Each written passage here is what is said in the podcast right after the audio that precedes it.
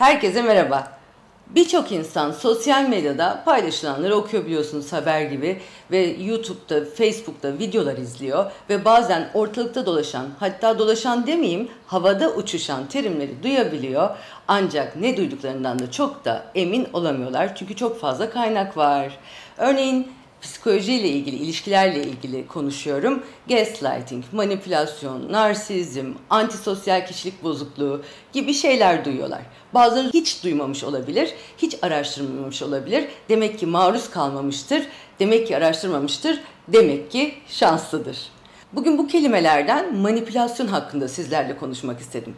Çünkü bu kelime aslında tüm mutsuz insanların, depresyonda olan insanların dertlerinin ana sebebi. Aşk, kariyer, para, sağlık değil aslında insanların mutsuzluğunun sebebi. Onlar için mücadele verirken yolda karşılaştıkları, karşılarına çıkan manipülasyonlar ve manipülatörler. Bu kelime yani manipülasyon aslında tüm narsistik, yoğun çatışmalı, zor ve toksik olarak adlandırılan ilişkilerde o kadar klasik bir dinamik ki aslında bu kelimeye tek başına hak ettiği değer verilmiyor diye düşündüm ve bu videoyu çekmek istedim sizler için. O halde manipülasyonun sözlük tanımıyla başlayayım. Öyle havalı oluyor çünkü. Sözlükler manipüle etmek yüklemini bir kişiyi veya durumu akıllıca ama haksız veya vicdansız bir şekilde kendi çıkarı doğrultusunda kontrol etmek veya etkilemek olarak tanımlıyor. Manipülasyon ise isim olarak ise tanımı gereği kendi hizmet eden manipülatörün bir hedefe ulaşmak için gerçekleştirdiği eylem ve bu eylem manipüle edilenin çıkarına olmaya da biliyor tabii ki. Ancak bu çıkarcı ve bencil insanlar, bu tanımlamalardan öyle çıkıyor değil mi? Çıkarcı ve bencil insanlar ne istedikleri ve neden sizden bir şey istedikleri veya neden sizin yardımınıza ihtiyaçları olduğu konusunda şeffaf olmak yerine istediklerini desteklemeniz veya yerine getirmeniz için sizi cümlelerle ve davranışlarla etkilemeye çalışıyorlar. Ve bunun için hassas insanları seçiyorlar ve o hassas duygularla resmen satranç oynuyorlar. Manipülasyon aslında karşısındakine suçluluk, utanç, zorunluluk, düşük özdeğer ya da düşük özsaygı, kafa karışıklığı, kaygı, yeterince iyi olamama korkusu ve bunun gibi birçok olumsuz duygu verilerek ve yüklenerek yapılıyor. Ve yapılan da, yapan da ne yaşadığını pek bilmiyor. Yapan bilerek yapıyorsa zaten onun adı manipülatörlükten daha farklı bir şey oluyordur kesin. Ben teknik terimleri bilmediğim için şerefsizlik veya adilik demeyi tercih ediyorum bu tür kötü insanlara. Havalı psikolojik terimlerle, e, sıfatlarla Onları bence yüceltiyoruz çünkü. Hepimizin sahip olduğu bu olumsuz duygularla ilgili savunmasız alanlarda böyle raks ederek yapıyorlar manipülatörler eylemlerini ve emellerini gerçekleştiriyorlar. Manipülatif bir kişinin manipüle etmesi zaten çok kolay. Böyle hobi gibi. Sık yapıldığında, önem verildiğinde, zaman harcandığında gitgide güzelleşiyor sonuçlar. Profesyonelleşiyorlar bu konuda. Ve özellikle eğer ki ikili ilişkideki bir kişi karşısındakinin ayrılma ya da terk edilme korkusu olduğunu fark ederse yani belki de kendisini sevdiğini o korkuya mutlaka büyük zevkle oynuyor. Tabii ki kişilik yapısı böyleyse, manipülatifse. Siz de eğer o kişi sizseniz, siz de onlara bu oyun sonucunda alınganlık, öfke, küsme gibi bekledikleri tepkileri verirseniz oyunun galibi baştan belli söyleyeyim ve o siz değilsiniz. Ve bu tepkiler aslında manipülatöre manipülasyonun işe yaradığını en açık şekilde gösteren işaretlerden. Genellikle manipüle edilenler vicdan ve merhamet sahibi, duygusal da kişiler oldukları için bu yöntemler onlarda çok iyi çalışıyor. Çünkü onlar o kendilerini rahatsız eden şeyden, o şey her neyse o olumsuz duygu, ondan kaçınmak için her şeyi yaparlar. Bana göre suçluluk insanları en çok rahatsız eden ve en kaçınmaya çalıştıkları duygudur. Bence buna daha çok oynuyor manipülatörler. Olumsuz manipülasyon deniyor bunlara ve bunlar aslında e, sonucu yani söylemi de olumsuz. Eleştiriler gibi, sert eleştiriler gibi, alay etmek gibi.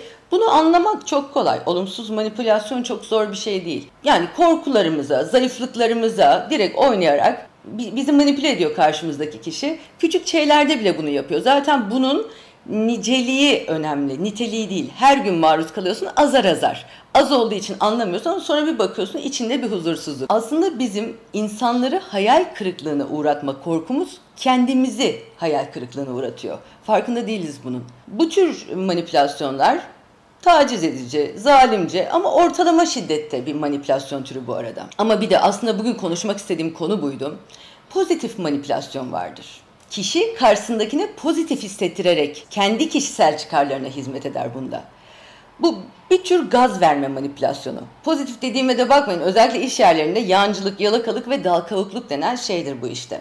Fakat şimdi pozitif manipülasyon üzerine konuşmak istiyorum bugün ama diğer manipülasyonun da türlerini böyle hızlıca geçmek istiyorum. Böyle madde madde kolay da oluyor öyle. Bu yöntemlerden birincisi, en önemlisi, en zoru, en ağıra gidene karşılarındakinin kendilerinden şüphe duymasını sağlarlar. Yani delirtirler resmen. Bu maddeleri böyle kısa geçeceğim. Örneğin bu maddeyi açıklamak gerekirse en önemli iki cümlesi. Sen dedin ya ya da yo ben öyle demedim. Bu cümlelere çok dikkat edin. Bu cümleleri çok sık sarf eden insanlar sizi kendi gerçeklerinizden şüpheye düşürür biliyor musunuz? Yani önce delirtirler sonra da gösterip deli derler. Aslında şöyle diyebiliriz. Kukla oynatmaktan zevk alan, kukla idare etmekten aşırı haz duyan özgüvensiz insanlar sizi delirterek sizin özgüveninizi düşürürler ki kendi seviyelerine inebilirsiniz. Seviye eşitliyorlar yani. Kötü bir amaçları yok. İkincisi, karşılarındakini suçluluk tuzağına düşürme. Bu konuda uzmandırlar. Bunda yöntemleri var elbet. Onları da birer bir cümleyle geçeceğim. Yani aslında yöntemleri değil, örnekleri gibi söyleyeyim size. Örneğin iş yapılıyor bir iş yerine. Kendi yaptıkları kadar çok iş yapmadığınızı her fırsatta öne sürerler. Aslında ima ile yaparlar bunu. Ya da ilkeli ilişkilerde olur. Her şeyde olur. Akrabalık, arkadaşlık, eşler, dostlar, iş yeri. Geçmişte yapılan hataları sürekli başa kakan insan manipülatördür biliyor musunuz? Hep suçluluk duygusu yaratarak onlara muhtaç hissettirler. Sürekli başa kalkmak önemli bir konu. Özellikle ülkemizde çok yapılıyor. Geçmiş ya da ya da geçmişte sizin için yaptıkları iyilikleri hatırlatmak sürekli ve onlara borçlu olduğunuzu sürekli hissettirmek. Hoş bunu sürekli yapılmasına gerek yok. Bir kere bile yapılsa suçlu hissedebilir insan kendini. En kötülerinden biri eşler arasında oluyor. Kızgınmış ve küsmüş gibi davranmak ama sonra onlara sorduğumuzda da ortada bir sorun olduğunu inkar etmek. Kısacası pasif agresif davranışlar sergilemek. Geçen videomda paylaştığım şey. Bunlar suçlulukla ilgili konular. Şimdi üçüncü maddeye geçiyorum, ana maddeye geçiyorum. Nezaketten, merhametten ve etik davranışlarınızdan dibine kadar yararlanırlar. Evet, ilginçtir ki aslında olması gereken artı özelliklerimiz ne yazık ki, ne yazık ki en çabuk manipülatörler tarafından kokusu alınan özelliklerdir. Fakat onlar bunu sizi met etmek için değil, sömürmek için kullanırlar. Türkçedeki o elini veren kolunu alamaz atasözü var ya, aslında bu duygusal manipülasyonun en güzel tarifidir biliyor musunuz? Siz iyilik yaptığınız için kendinizi iyi de hissedersiniz. Bu güzel bir şeydir çünkü. Mutlu olmanın mutlu etmekle alakası var derim hep. Bunun travma yaratan kısmı nedir peki biliyor musunuz?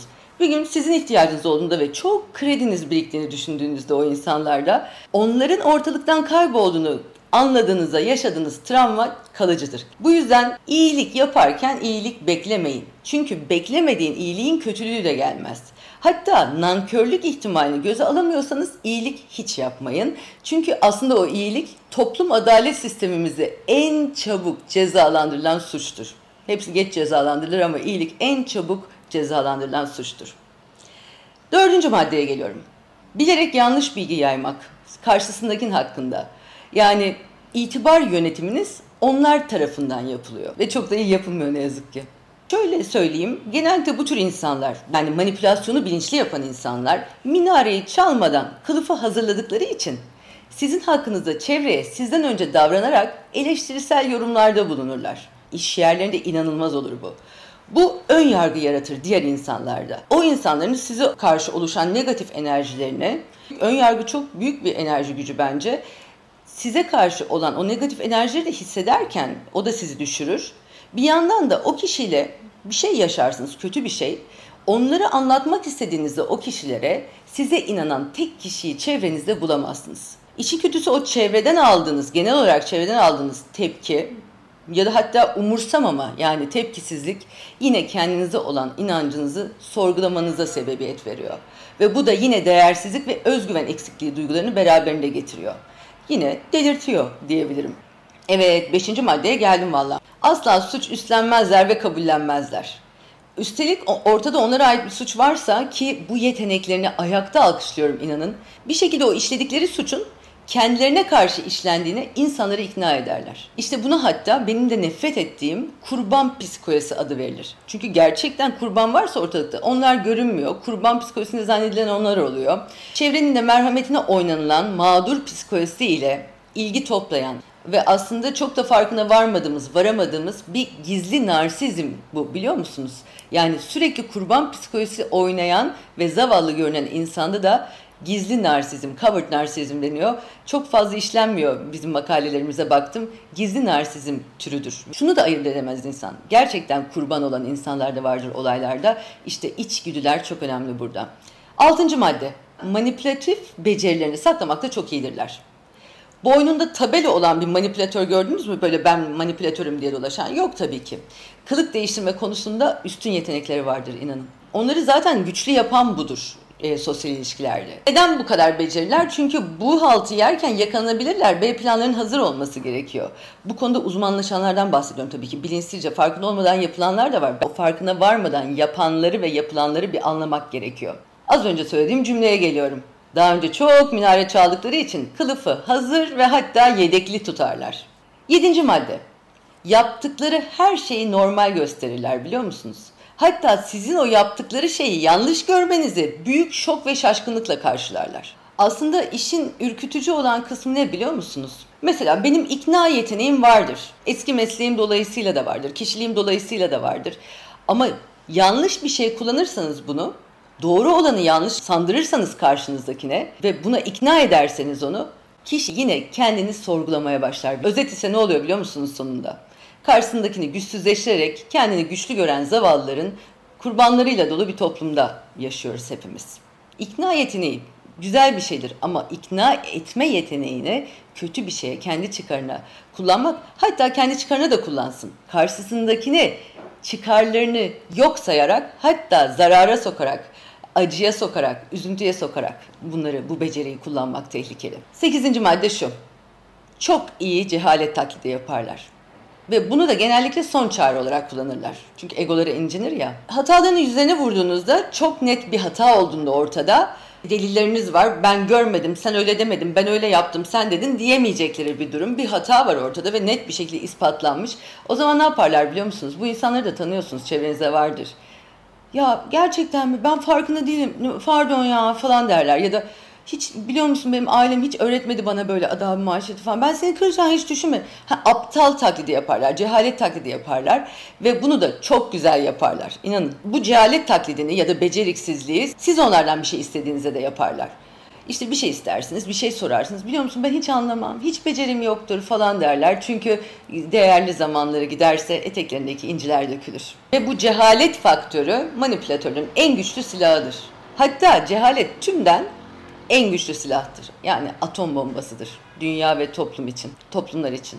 Şimdi maddeler bitti. Ben normalde kapatırım ama bu sefer bir konuya dikkat çekmek istiyorum ve onu sona sakladım sizi sürekli yeren, kötü hissettiren insanın negatif enerjisinin farkına varmak o kadar zor değil. Yani bu anlattıklarımın farkına varırsınız. Artık okuyoruz her yerde. Kişisel gelişim makaleleri okuyoruz. İlgiliyiz de milletçe. O kadar zor değil bunları anlamak. Onlardan gelebilecek bir kötülük bizi çok da şaşırtmaz. Benim aslında fikrimi yoran onaylanma ihtiyacının sürekli artması sebebiyle bu tabii ki sosyal medya yüzünden oluyor. Bizi överek, pohpohlayarak ve bize kendimizi iyi hissettirerek hatta sonrasında gelecek kötülükleri tahmin bile edemememizi sağlayarak bizi sömüren ve travmalara, kalıcı travmaları sürükleyen pozitif manipülasyon dediğim halbuki çok negatif olan bir manipülasyon türü. Mesela övgü benim için çok içten olduğunda anlamlıdır tabii ki. Çok içten, çok güzel bir yürekle yapıldığında. Ama o övgü öven kişinin çıkarı doğrultusunda kullanıldığı zaman psikolojik şiddetin sözlük karşılığıdır biliyor musunuz? Mesela sizin hiç maddiyata önem vermediğinizi düşündüğünü söyleyen biri karşınızda öyle biri arkadaş olur, iş yerinden biri olabilir ve hatta bu konuda sizi sürekli öven biri kısa bir süre sonra sizden borç para istediğinde o sevdiğiniz övgüyü, kişiliğinize yakıştırdığınız övgüyü sahiplenirsiniz tabii. Ve karşınızdaki kişiyi de düş kırıklığına uğratmamak için belki de ya da kendinizi kendinize ispatlamak için size bir sıfat verildi ya o sıfatı kendinize ispatlamak için normalde vermeyeceğiniz bir miktarda borcu güle oynaya verirsiniz. Hatta gururlanırsınız bile kendinizle. Aynı övgü sebebiyle de sahiplendiğimiz ve sevdiğimiz övgü sebebiyle de belki de bir ay sonra geri ödeneceği söylenen o borç geri ödenmediğinde senelerce de isteyemezsiniz. Çünkü paraya önem vermiyorsunuzdur. Yani övüldüğünüzde bence çok dikkatli olun. Acaba o övgüler yani bizi biraz da şımartan sözler, bize yakıştığını düşündüğümüz ama aslında bize yapışan sıfatlar, o göğsümüzü kabartan cümleler içten ve karşılıksız mı sarf ediliyor yoksa sarf edenin çıkarına mı çalışıyor? Bu tekniğin biliyorsunuz aslında ikili ilişkilerde cicim ayları ve balayı evrelerinde ortaya çıkması olasıdır. Bunu herkes bilir. Bilginize, kariyerinize, deneyiminize, sohbetinize, kaşınıza, gözünüze, her şeyinize iltifat edebilirler. Ancak bunu aslında ileride isteyebilecekleri bir şeyi almak için yaparlar. Bunu biliriz zaten. Bu tür davranışlara duygusal insanlar kayıtsız kalamazlar asla. İşte bu yüzden e, kavun değil ki koklayasın diyorum. Yaşayacaksın ki göreceksin. Ah canım benim ne tatlı adamsın, sen ne tatlısın, ne tatlı kadınsın, adamsın. Fark etmez bakın bu arada cinsiyet. Ne tatlısın, ne tatlısın derler. Ben hep derim ki, övgüyle şişme ki, yergiyle de sönme. Aslında burada devreye giren konu onaylanma ihtiyacının fazlalığı. Karşı tarafı suçlamamak gerekiyor. Çünkü biz kendimizi biliyorsak ve tanıyorsak, fiziğimizi, karakterimizi, kariyerimizi, sohbetimizi, erdemimizi, merhametimizi başkalarına ispat etmek için değil de kendi iç huzurumuz için, mükemmellik için uğraşmayıp temiz bir kalple elimizden geldiği kadarıyla gösterebiliyorsak, kimse mükemmel değil ama karşısındaki överken herkes öyle zannediyor kendini. Diyorum ya güzel sıfatları üstümüze yapıştırıyoruz. Normal olduğumuzu biliyorsak, iyi bir insan olabildiğimizi de düşünüyorsak, yani şöyle söyleyeyim, kendimizi görebilmek için başkalarının gözüne ihtiyaç duymuyorsak, gerçek dışı ve abartılı övgülerle kendimizi olduğumuzdan daha fazla görmeyiz ve aksi iddia edildiğinde de hemen sükutu hayale uğramayız. Gerçek dışı ve abartılı övgülerle kendimizi olduğumuzdan daha fazla görmeyiz. Ayaklarımız yere basar değil mi? Çünkü başkalarının gözleri ve sözleri bizi bu kadar etkileyecekse eğer Ağızları torba değil ki el alemin büzesin. Senin fiziğini öven kişi bundan da çok hoşlandığını gören kişi bir gün kilo aldığında seni bu konuda eleştirirse yani onun gözlerine ve sözlerine olan ihtiyacını fark etmişse yapacağı ilk eleştirinin seni çok yaralayacağını da bilir. İşte bazen o övgülere verilen değer yergilere değer yükler. Ve beynimiz o kadar nankördür ki övgüyü değil de hep yergi yatırlar. Özellikle ülkemizde ikili ilişkilerde, evliliklerde kimi zaman bilinçli bakın, kimi zaman da tecrübe sayesinde öğrenilen bu işe yarıyor hissiyatıyla sarf edilen o evliliğin cicim aylarındaki ya da ilişkin cicim aylarındaki övgüler manipülasyonu da meşrulaştırıyor. Yani karşısındakinin zayıflıklarını ya da değer ya, yüklediği şeyleri ya da kızdığı şeyleri ilk öğrenen ve bunu ilk kullanmaya başlayan kişi ve sanırım birinç diyen bu ilişkilerde yani bunu ilk uygulayan manipülatör oluyor. Diğeri de manipüle edilen konumuna getiriyor. Bu birazcık da işte hep böyle insan kendini kayırır diyorum ya son videolarımda. Bazı cümlelerin işe yaradığını hissedenler içgüdüsel olarak o cümleleri sarf etmeyi alışkanlık haline de getirebilirler. Bu hepimizin yapabileceği, yararlanabileceği bir manipülasyondur. Örneğin bir annenin çocuğuna sebze yedirmek için söylediği yalanlar, yaptığı oyunlar işe yarıyorsa eğer bu bir alışkanlık haline tabii ki gelebilir. Ve burada anne kendi çıkarına değil evladının sağlığını düşünerek bunları yapmaktadır değil mi? Yani ikna gücü olan ve bunu karşı tarafın da çıkarını gözeterek gösteren kişi manipülasyon yeteneği olduğu halde bunu iyilik için kullanan kişidir. Bu hepimizin yapabileceği bir manipülasyondur. İşe yarıyorsa niye yapmayayım değil mi? Şöyle söyleyeyim. Süper kahramanlar vardır ya filmlerde. Güçlerini iyiye hizmet ettikleri için sevdiğimiz kahramanlardır. Aynı gücü kötülük için kullansalardı onların gücüne saygı duymazdık değil mi? Ve filmin sonunda kahramanımız tarafından rezil edilmesini beklerdik. İkisi de manipülatör ama biri kötü biri iyi. Yani güçler eşit olunca ve amaçlar farklı olunca filmin kaderi de değişiyor değil mi? Manipülasyonun kötüye kullanılması aslında dikkat etmemiz gereken konu. Ve olumsuz manipülasyon da, olumlu manipülasyon da karşı tarafa uzun vadede zarar veriyorsa bu gerçekten tehlikeli bir durum bireyin psikolojisi için, toplumun psikolojisi için. Aslında bu davranışlardan bazılarının bilinçli yapıldığını, bazılarının bilinçsiz yapıldığını düşünebiliriz değil mi? Yani o olumsuzluğun da dereceleri var tabii ki. Bunu bilmek ve anlamak mümkün de değil aslında. Bilinçli mi yapıldı, bilinçsiz mi diye değil mi? Çünkü kişi bunu huy edinmişse ve yani bilinçli ve planlı yapıyorsa büyük ihtimalle onunla anlayıp farkına varıp yüzleştiğimizde farkında değilim ki haberim yok ay çok özür dilerim diyecektir değil mi?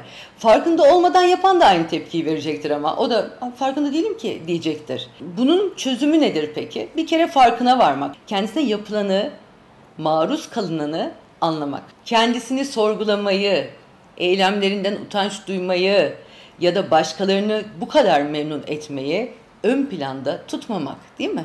Aslında fazla övgüyle şişmeyi, mutlu olmayı da bırakmak.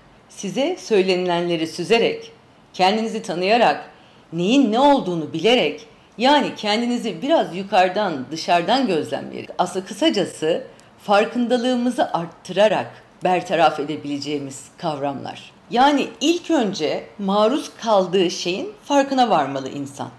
Farkına vardıktan sonra yapılabilecek de iki şey var. Önce manipülatörle güzelce bir yüzleşmek, haklarını savunmak, sınırlarını koymak değil mi? Ardından o bahane mi değil mi bilmediğimiz, hiç farkında değilim ki, özür dilerim senden cümlesini umarım duymak. Çünkü bunu duymayanlar da vardır ya da bunu söylemeyenler de vardır ama umarım duymak. Duyarsanız da bu cümleyi içtenliği ve samimiyeti anlamak için hissiyatlı olmaz bu iş. Bir kere daha şans verirsiniz. Çünkü farkında değilse o kişi ve karşısındakine de karşısındakine de kendisi kadar değer veriyorsa bu hareketi bir daha yapmaz değil mi? Ama bilinçli yapıyorsa bu yüzleşmeden sonra dozu arttırarak kesinlikle devam edecektir. Fakat sizi duymadıysa, anlamadıysa, tepki bile vermediyse çok güzel bir atasözü vardır biliyorsunuz. Sağıra sözünü, köre yüzünü süslemeyeceksin ve oradan ayrılacaksın. Zaten sorun bu. Genelde beni üzen ne biliyor musunuz? Farkındalığı az olan insanlar beni üzmüyor. Bilmemek ayıp değil derler zaten. Bunlar beni üzmüyor. Farkındalığı olduğu halde ve gerekli yüzleşmeyi yaptığı halde aynı yüzleşmeyi defalarca yaparak borsadaki hisse senetlerinin değerinin düştüğünü asla kabullenmeyerek yenildiği için güreşe doyamadığından o çok büyük farkındalığıyla ne yazık ki hayatı boyunca özgüvensizlikle ve biri tarafından kukla gibi manipüle edilerek hayatlarına devam eden insanlar. Beni üzen bu işte. Bilmemek önemli değil dedim ya. Ama bildikten sonra uygulayamamak insanı mahvediyor işte. Yaşayan ölü oluyor insanlar. İşin kötüsü de yaşadıklarından gidip başkalarını ısırıyorlar. Bulaşıcı bir hastalık gibi yayılıyorlar. Mutsuzluk da mutluluk kadar bulaşıcı bunu hep diyorum. Ama asıl mutsuzluğa bile bile göre göre maruz kalmak.